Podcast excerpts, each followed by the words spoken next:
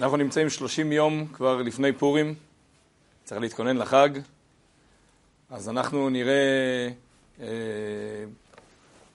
איזושהי נקודה מתוך מגילת אסתר, וגם אחר כך נקשר את זה לפרשת השבוע, ונראה איך זה משנה לנו את החיים. אז נתחיל במשל שמופיע במקורות החסידים.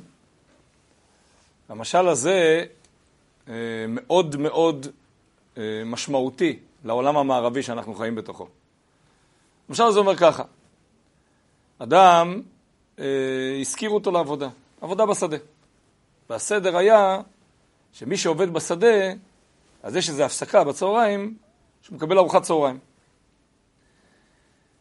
ובאמת, הוא מגיע לאותו כפר שהוא אמור לעבוד, ובעל הבית מקבל את פניו, הוא מתחיל לעבוד בשדה, וכשמגיע הזמן של צהריים, אז הוא מגיע חזרה לבעל הבית, אז בעל הבית אומר לו, תשמע, בקצה הכפר, בצד שמאל, הבית האחרון, לך שמה, שמה תקבל ארוחת צהריים.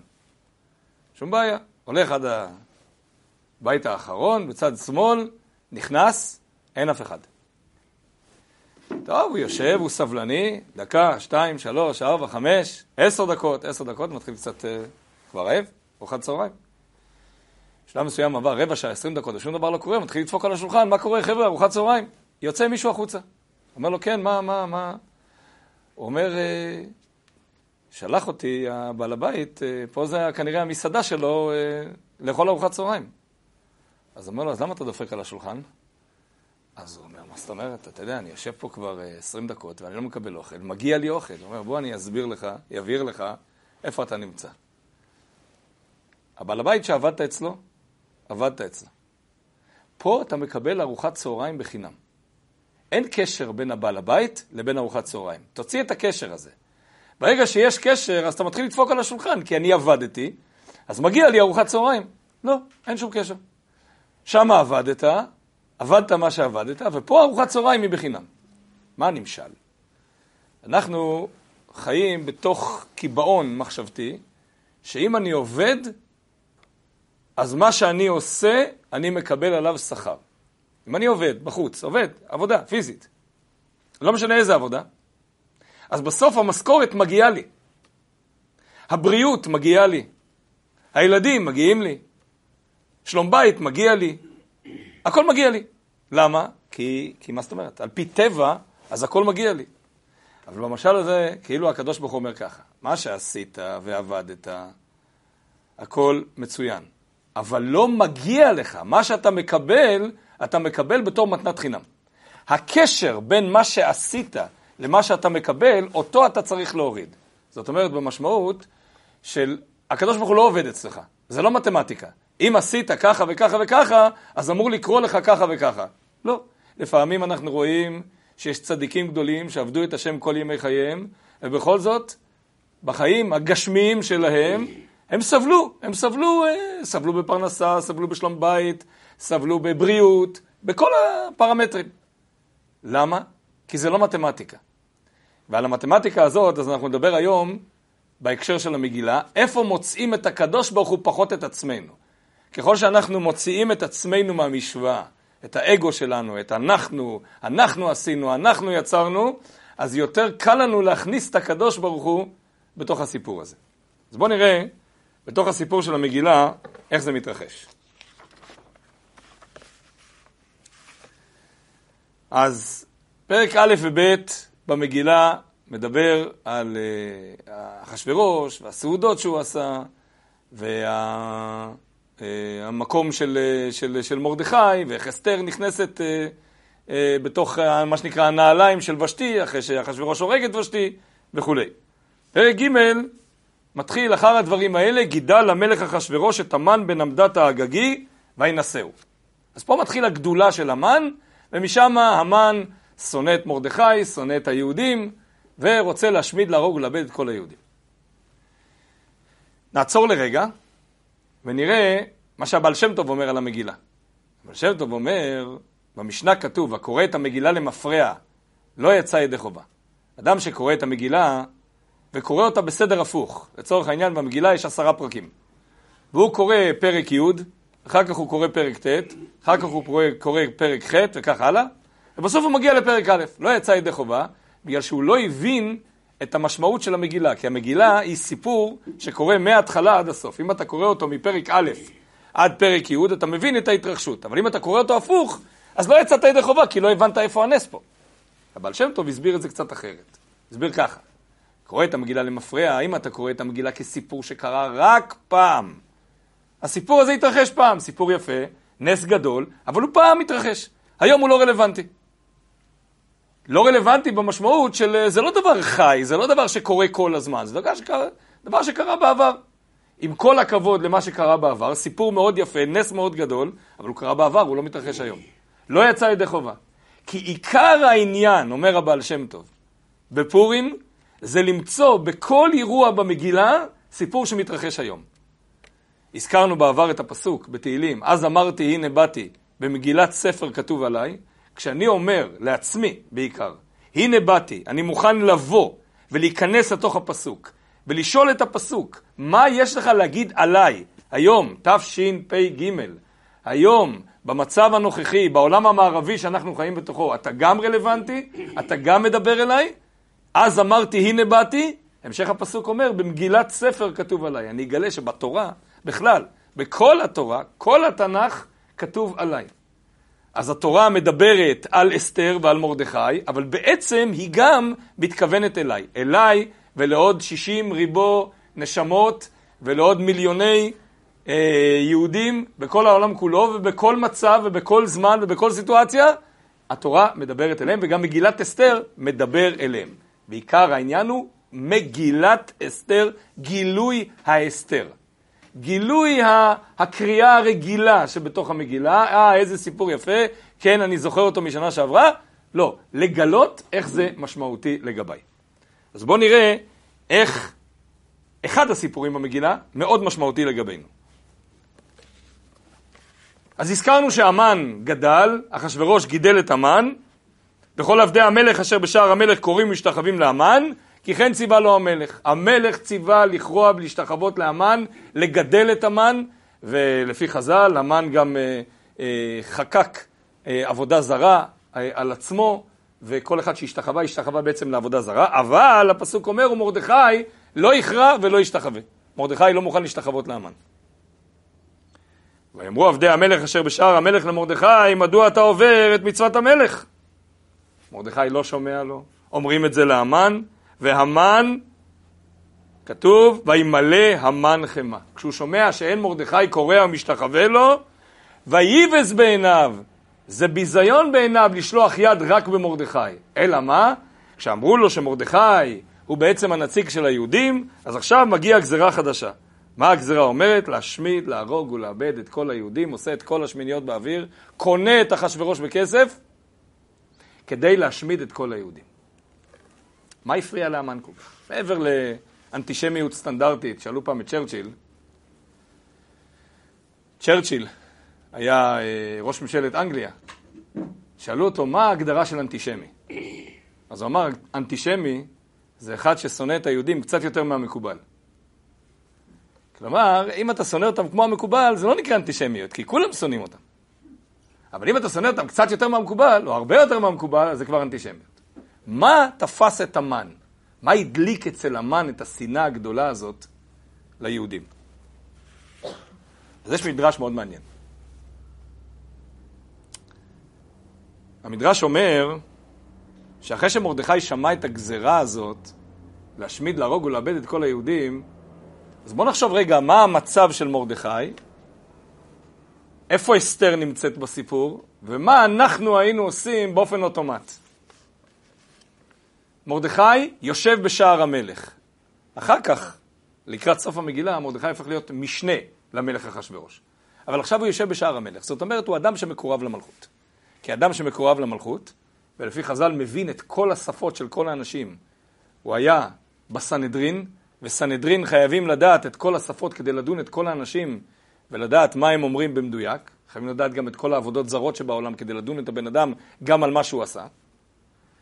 אז מרדכי מקושר לכל שפה ולכל עניין מולטי טאלנט, מה שנקרא, יודע הכל ומדבר עם כולם ובקיא בכל מה שקורה בממלכה. יושב בשער המלך, הוא לא יושב בשער המלך בתור קבצן. הוא לא אדם שסתם יושב בשער המלך כדי להסתכל מי עובר ושב. הוא אדם שמחובר לכל העשייה שקורית בשושן, שזה עיר הבירה של פרס. אסתר, אשתו של המלך, היא המלכה. מה עוד אפשר לבקש מבחינת שתדלנות, מבחינת קשרים, מבחינת אה, אה, כמה אנחנו קרובים למלך אחשורוש מהמצב הזה? זה המצב האופטימלי, זה המצב הכי טוב שיש. ולכאורה, מרדכי בשלב הזה, כשהוא רואה שיש גזירה להשמיד, להרוג ולאבד את כל היהודים, הוא צריך להתחיל להפעיל שתדלנות. דרך אסתר, דרך עצמו, זה צריך להיות כתוב במגילה הדברים האלה. זה צריך להיות מופיע. איך מבטלים גזירה? כמו שאנחנו יודעים לעשות שיש גזירה, שאתה מקבל אה, אה, דף מביטוח לאומי, ומטילים עליך אה, חשבון, שאתה יודע שזה חשבון שאתה לא אמור לשלם, או שכבר שילמת אותו, שהוא לא רלוונטי, אז מה אתה עושה? אתה מתפלל? אתה מתקשר לביטוח לאומי, ואתה עומד על הקו כמה שצריך, ואתה אומר, חבר'ה, זה לא יכול להיות. אחת, שתיים, שלוש, הפקיד הזה לא עוזר לך, אתה אתה רוצה, אתה בא מעליו. ואם לא, אתה תלך למנהל הלשכה, או למי שצריך. לא יכול להיות שיש פה עוול, אני לא אשלם את דבר פעמיים, או אני לא אשלם דבר שאני לא אמור לשלם. צודק. אבל מה מרדכי עושה? ומרדכי עושה לא כי מרדכי עושה, אלא מרדכי עושה כי הוא רוצה בעיקר להראות לנו איך יהודי צריך לחיות. כשיש גזרה של להשמיד, להרוג ולאבד את כל היהודים, אבל כמו שאנחנו נראה בהמשך, הגזרה הזאת עדיין קיימת איפשהו, אם לא במובן הגשמי, היא קיימת גם במובן הרוחני. מה עושה מרדכי? לפי חז"ל, הוא אוסף 22 אלף ילדים ולומד איתם תורה. איזה תורה הוא למד, וזה גם מאוד רלוונטי? הוא לומד הלכות עומר. עומר, אנחנו מכירים את העומר מספירת העומר. אבל מה זה בעצם עומר? עומר היה קורבן בבית המקדש. כשהגיע היום אחרי חג הפסח, יום אחד אחרי מה שנקרא ליל הסדר, אז היה בבית המקדש קורבן של עומר.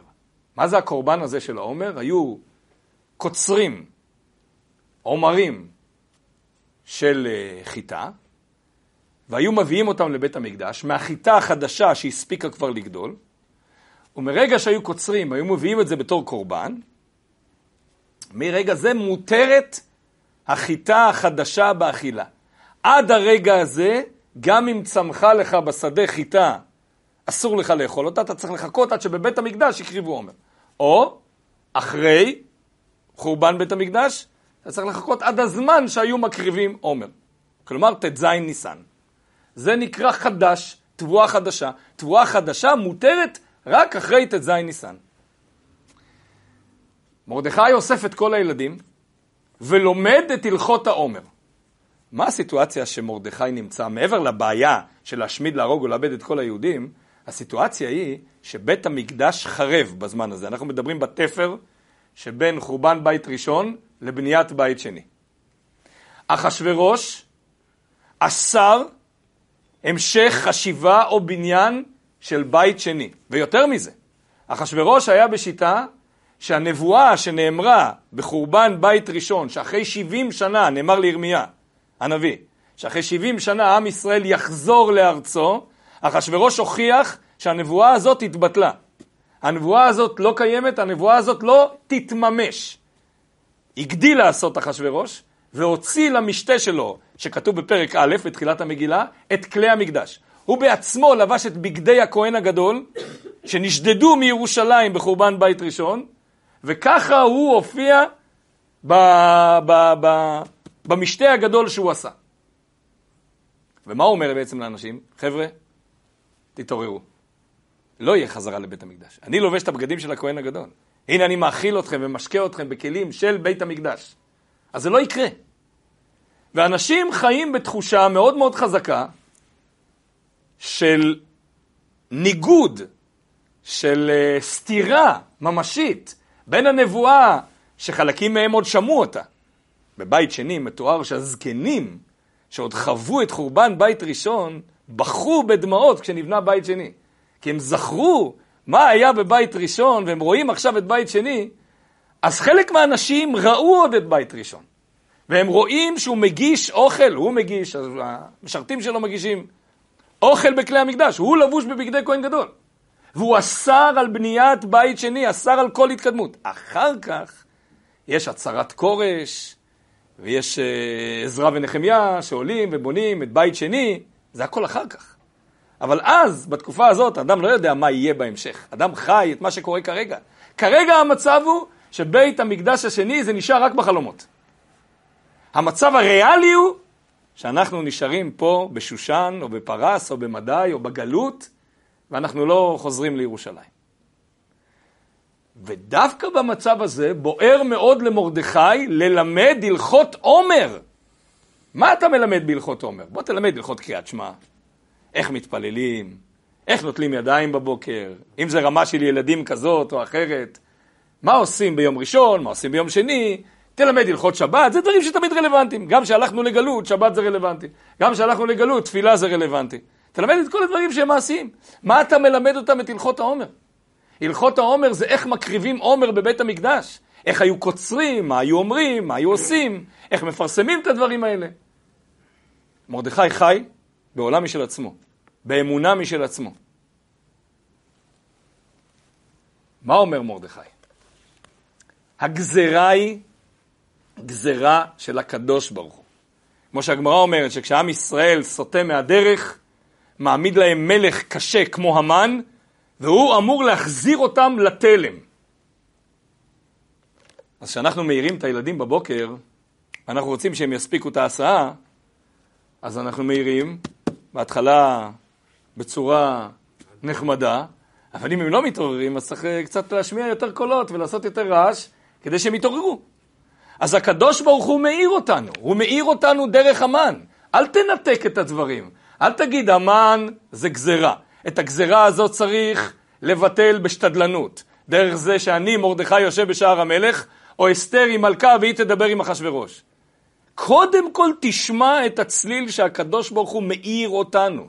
אם הקדוש ברוך הוא מאיר אותנו על מה זה? על מה זה? למשל, על תורה. למשל, על לימוד תורה עם הילדים. איזה לימוד תורה עם הילדים? חבר'ה, שכחתם את בית המקדש. אני רואה עליכם שאיבדתם את האמונה. אני רואה עליכם שאתם יותר מדי ריאליים. אתם יותר מדי מסתכלים על מה אחשוורוש לובש, איזה כלים הוא מגיש, ואת זה שהוא לא נותן לבנות את בית שני. אבל יש אלוקים. וכשיש אלוקים, אז אלוקים לא מתחשב בכל הדברים האלה. אז בשנייה אחת נבנה בית שני, כמו שבאמת קרה אחרי זה.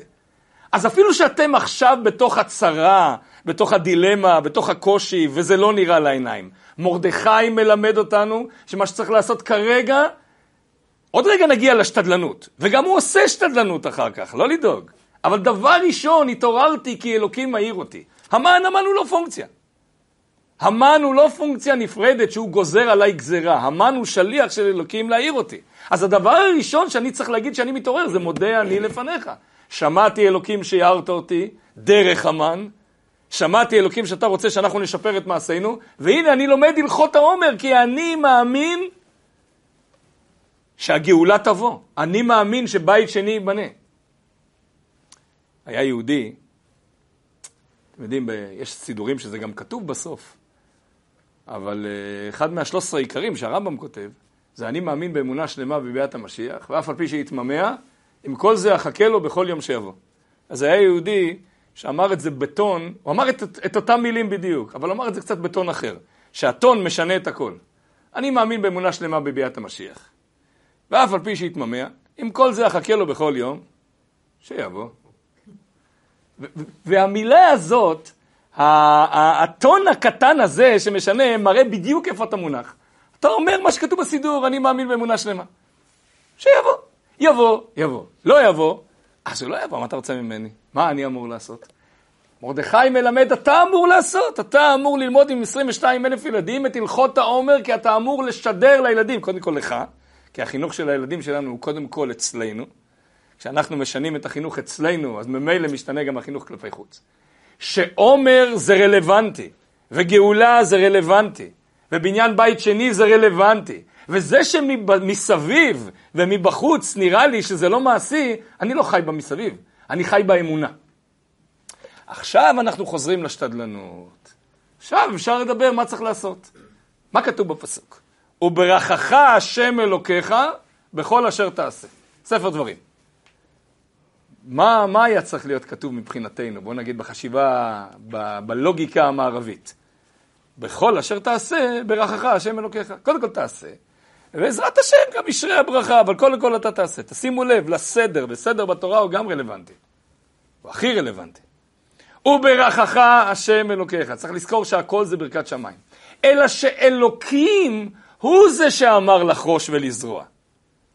האוטומט שלנו מה אומר? אם אני אחרוש אז יצמח.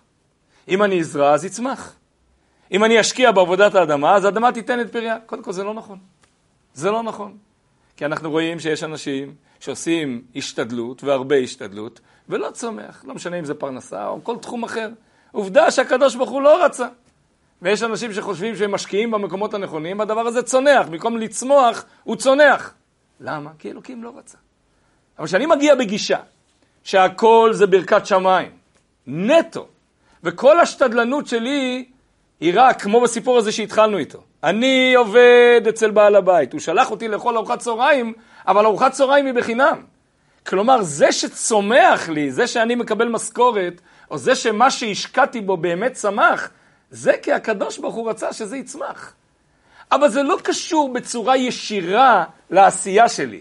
זאת, זה ההבדל בין החשיבה הכל כך מערבית של אחד ועוד אחד שווה שתיים, ואם אני אלמד ויוציא אה, ציונים ותעודות ואני אתקבל לעבודה, אז יהיה לי מעמד כלכלי או מעמד סוציו-אקונומי גבוה, זה לא נכון. אם הקדוש ברוך הוא ירצה, אז זה יעבוד. אם הקדוש ברוך הוא לא ירצה, אז זה לא יעבוד. אפילו שאתה חושב במתמטיקה שאחד ועוד אחד זה שתיים, זה לא יקרה.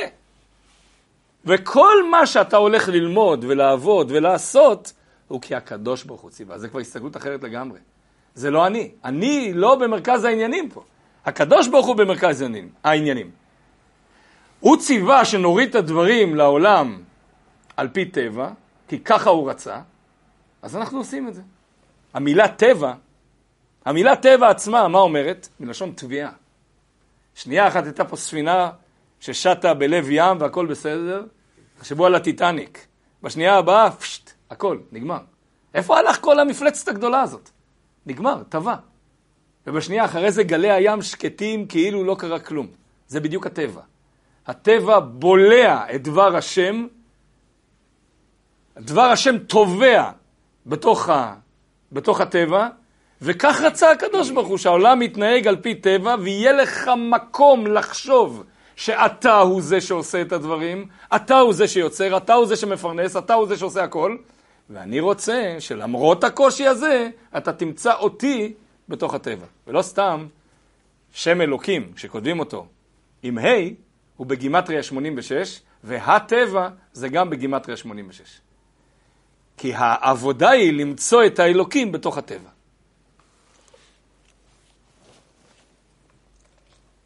זה שיגע את המן.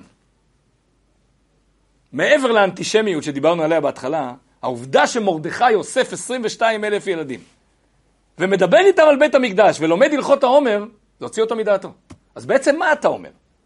שכל הגדולה שלי, שאני קניתי את אחשורוש וכולי וכולי וכולי, זה הכל חלק מהמשחק האלוקי של הקדוש ברוך הוא בתוך העולם. שאני, המן הגדול והמכובד, שכולם קוראים משתחווים לי, גם אני כלי בשחמט האלוקי כדי לעורר אתכם בתשובה.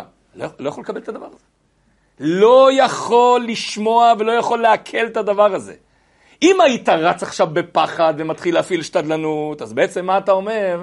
שיש לי מקום, ויש לך מקום, ויש שתדלנות. אז אני שמתי עשרת אלפים כיכר כסף, אתה תשיג מכל היהודים עשרים אלף כיכר כסף, ואתה תבטל את הגזרה. לא! לא התחלת עם זה. תחשבו, לאסוף 22 אלף ילדים, זה לא קורה תוך שנייה. התחלת ועשית והתעסקת עם מה? עם לימוד תורה. כי זה העיקר, כי הבנת שהקדוש ברוך הוא, כל מה שקורה, הוא בסך הכל כדי לעורר אותך בסוף, לעורר את היהודים. הגיעו היהודים לשפל מצב כזה, של נהנים מסעודתו של אותו רשע, משתתפים בסעודה שבה כלי המקדש משמשים בתור כלי הגשה, אה, אחשורוש עם בגדי כהן גדול ונהנים? איך הגעתם למקום כזה נמוך? אתם צריכים זבנג, אתם צריכים התעוררות, אתם צריכים איזשהו משהו חזק להשמיד, להרוג ולאבד כדי להתעורר. המן לא יכול לקבל את הדבר הזה. אז בעצם אין עולם. עולם מלשון נעלם לא קיים בגישה של מרדכי. כי העולם לא מסתיר על האלוקות, העולם לא מפריע לדבר השם, העולם הוא כלי לשרת את דבר השם. לא יכול לקבל את הדבר הזה. איך? זה משגע אותי. זה מעורר אצלי עוד יותר שנאה ליהודים. ודרך אגב, אנחנו רואים פה גם שיעור בפסיכולוגיה. אתה שונא את מישהו שאתה מקנא בו, כי הוא נמצא עשר דרגות מעליך. כי הוא נמצא ברמה רוחנית אחרת, והתשדורת שלו היא אחרת לגמרי. אם היית משחק בכלים שלי כסף מול כסף, כבוד מול כבוד, אה, אינטריגות, אה, קשרים? אז בכלים שלי, או אני מנצח או אתה מנצח, גם אם אתה מנצח, אני לא כל כך שונא אותך, כי אנחנו fair fight, מה שנקרא. אנחנו משחקים באותו משחק, אבל אתה משחק בכלים אחרים. הכלים שלך הם כלים אלוקיים, את זה אני לא יכול לקבל.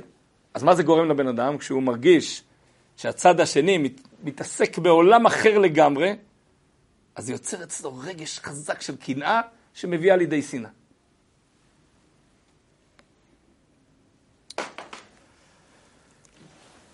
אז התחלנו בזה ש... שהחשיבה המערבית היא מאוד מאוד מדויקת. הכל עובד, מה שנקרא, לפי הספר, ואם יש כשל, אז הכשל הוא כי לא למדת מספיק. אה, לא למדת, לא השקעת, לא הוצאת תואר, אז ממילא ברעיונות שלך או ברזומה שלך לקבל עבודה, אז לא מופיע ככה וככה, אז לא קיבלת את העבודה הנחשקת, אז ממילא גם לא הבאת פרנסה הביתה. בחשיבה האלוקית, האחד ועוד אחד הזה לא קיים, והתוצאה שלו היא לא אותה תוצאה. ורואים בחוש שיש אנשים שעשו את הכל על פי הספר, וזה לא קרה. לא משנה באיזה תחום, עובדה. למה? כי הקדוש ברוך הוא לא רצה. ואם הקדוש ברוך הוא רוצה, אז אפילו בהשתדלות מועטת קורים דברים. אמנם אנחנו לא בערך הצדיקים, על הבעל שם טוב מסופר. שהבעל שם טוב פעם אסף כסף לבניית מקווה. והגיע לאחד העיירות שהיה צריך לבנות מקווה באותו עיר, הבעל שם טוב לא אסף כסף לעיר אחרת. באותה עיר או באותו כפר או מה שזה לא היה, אז הבעל שם טוב פשוט הסתובב מבית לבית כדי לאסוף כסף, אף אחד לא עשה את זה, אז הבעל שם טוב עשה את זה. דופק בדלת של אחד השירים הגדולים שהיה מסוגל לתת, והולך. השיר פותח את הדלת, רואה את הבעל שם טוב כבר במורד הרחוב כלפי מטה. הוא רץ אחריו, שואל אותו, רבי, מה, מה רצית? רציתי כסף לבניית מקווה. אז הוא אומר לו, אז למה לא... למה לא נשארת לדבר בפתח? הייתי מכניס אותך בכבוד. הוא אומר, אני עשיתי את ההשתדלות, אני גמרתי. זהו. והשיר נתן, ונתן הרבה. לא יודע אם הוא בנה את כל המקווה, בנה חצי מקווה, זה לא משנה. למה? כי הבעל שם טוב, בדרגתו הרוחנית, יכול להסתפק בהשתדלות מועטת של דפיקה בדלת. הוא רודף אחריו ושואל אותו, רבי, מה רצית? אז אנחנו לא בדרגה של הבעל שם טוב. לו היינו בדרגה של הבעל שם טוב, באמת היינו יכולים להסתפק בעשייה מינורית לחלוטין. אז אנחנו צריכים כן להשתדל, מה שנקרא, על פי טבע. אבל אוי ואבוי אם אנחנו נעבור לצד השני של המתרס, ונגיד, מה זאת אומרת? אני השתדלתי, מגיע לי ארוחת צהריים. הנה אני עשיתי על פי הספר. הכל, הכל, הכל עובד. לא, זה לא. את זה אסור.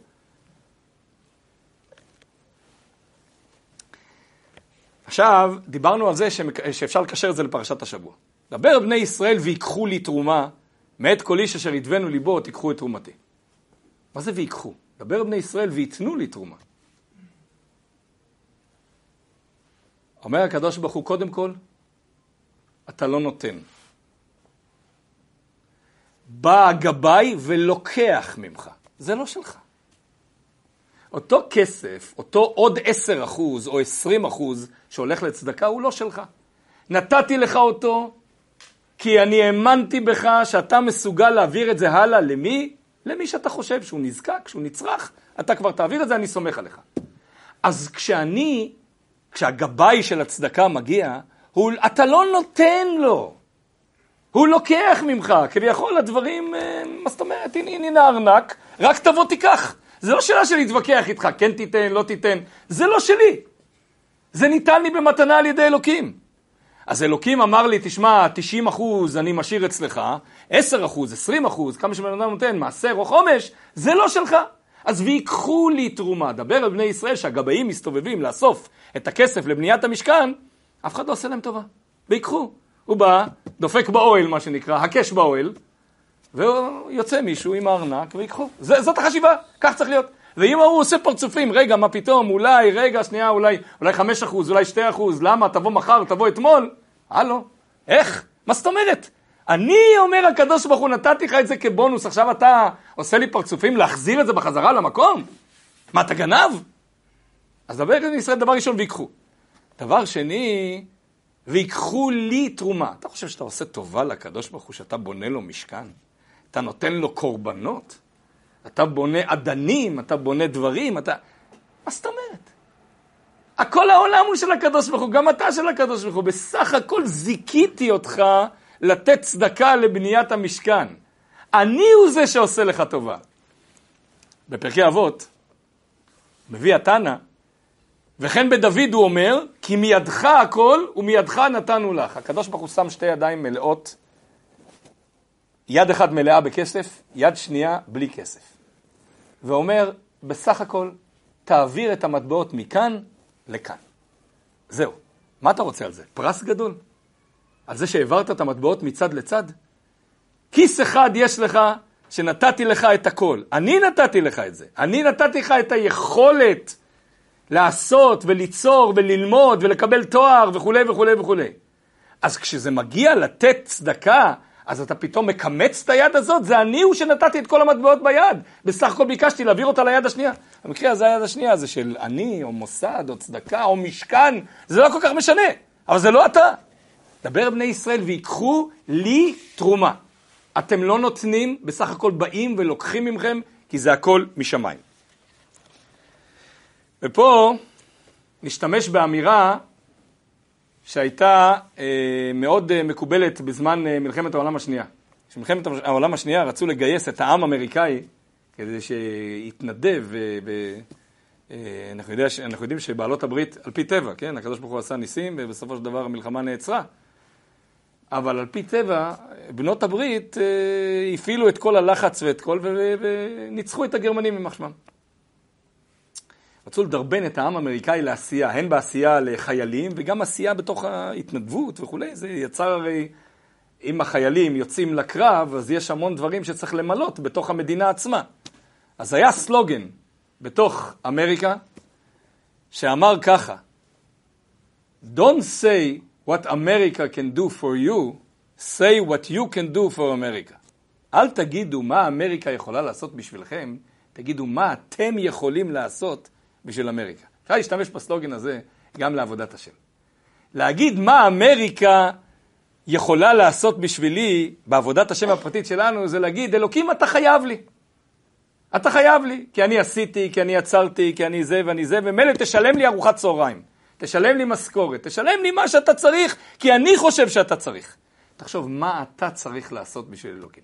לי הכסף ולי הזהב, נאום השם צבקות, הקדוש ברוך הוא יכול לפרנס את כל העולם. לנצח נצחים, ויכול לתת לכולם הכל, ואין לו שום מגבלה של שום דבר, לא גשמי ולא רוחני. מה הוא בסך הכל מבקש? הוא מבקש השתדלות, תפילה, ודאי, אבל הוא מבקש שלא תתפוס את כל הבמה. היה חסיד אחד שהגיע לצמח צדק, הרבי השלישי של חב"ד, ואמר לו, דורכים עליי בבית מדרש. התכוון להגיד שבבית מדרש, הוא נכנס להתפלל, אז זורקים לו כל מיני מילים כאלה, קצת אה, עקיצות, מה שנקרא, ש... לא נעים לו לשמוע את זה. אז הוא חשב שהצמח צדק, הרבי, יגיד, יקרא לכל החסידים ויעשה סדר ויגיד, תשמעו מה הוא מתלונן, דורכים עליו בבית מדרש, חבר'ה, עד כאן, אסור, וזה וזה וזה. במקום זה הצמח צדק אמר לו אמירה הפוכה לגמרי. הוא אמר, אתה מתפשט על כל השטח של כל הבית מדרש. אז איפה שלא דורכים, דורכים עליך. אתה פשוט נוגע בכולם, אתה, אתה, אתה מתערב בדברים שהם לא שלך, אתה מסבך את עצמך בכל מיני עניינים.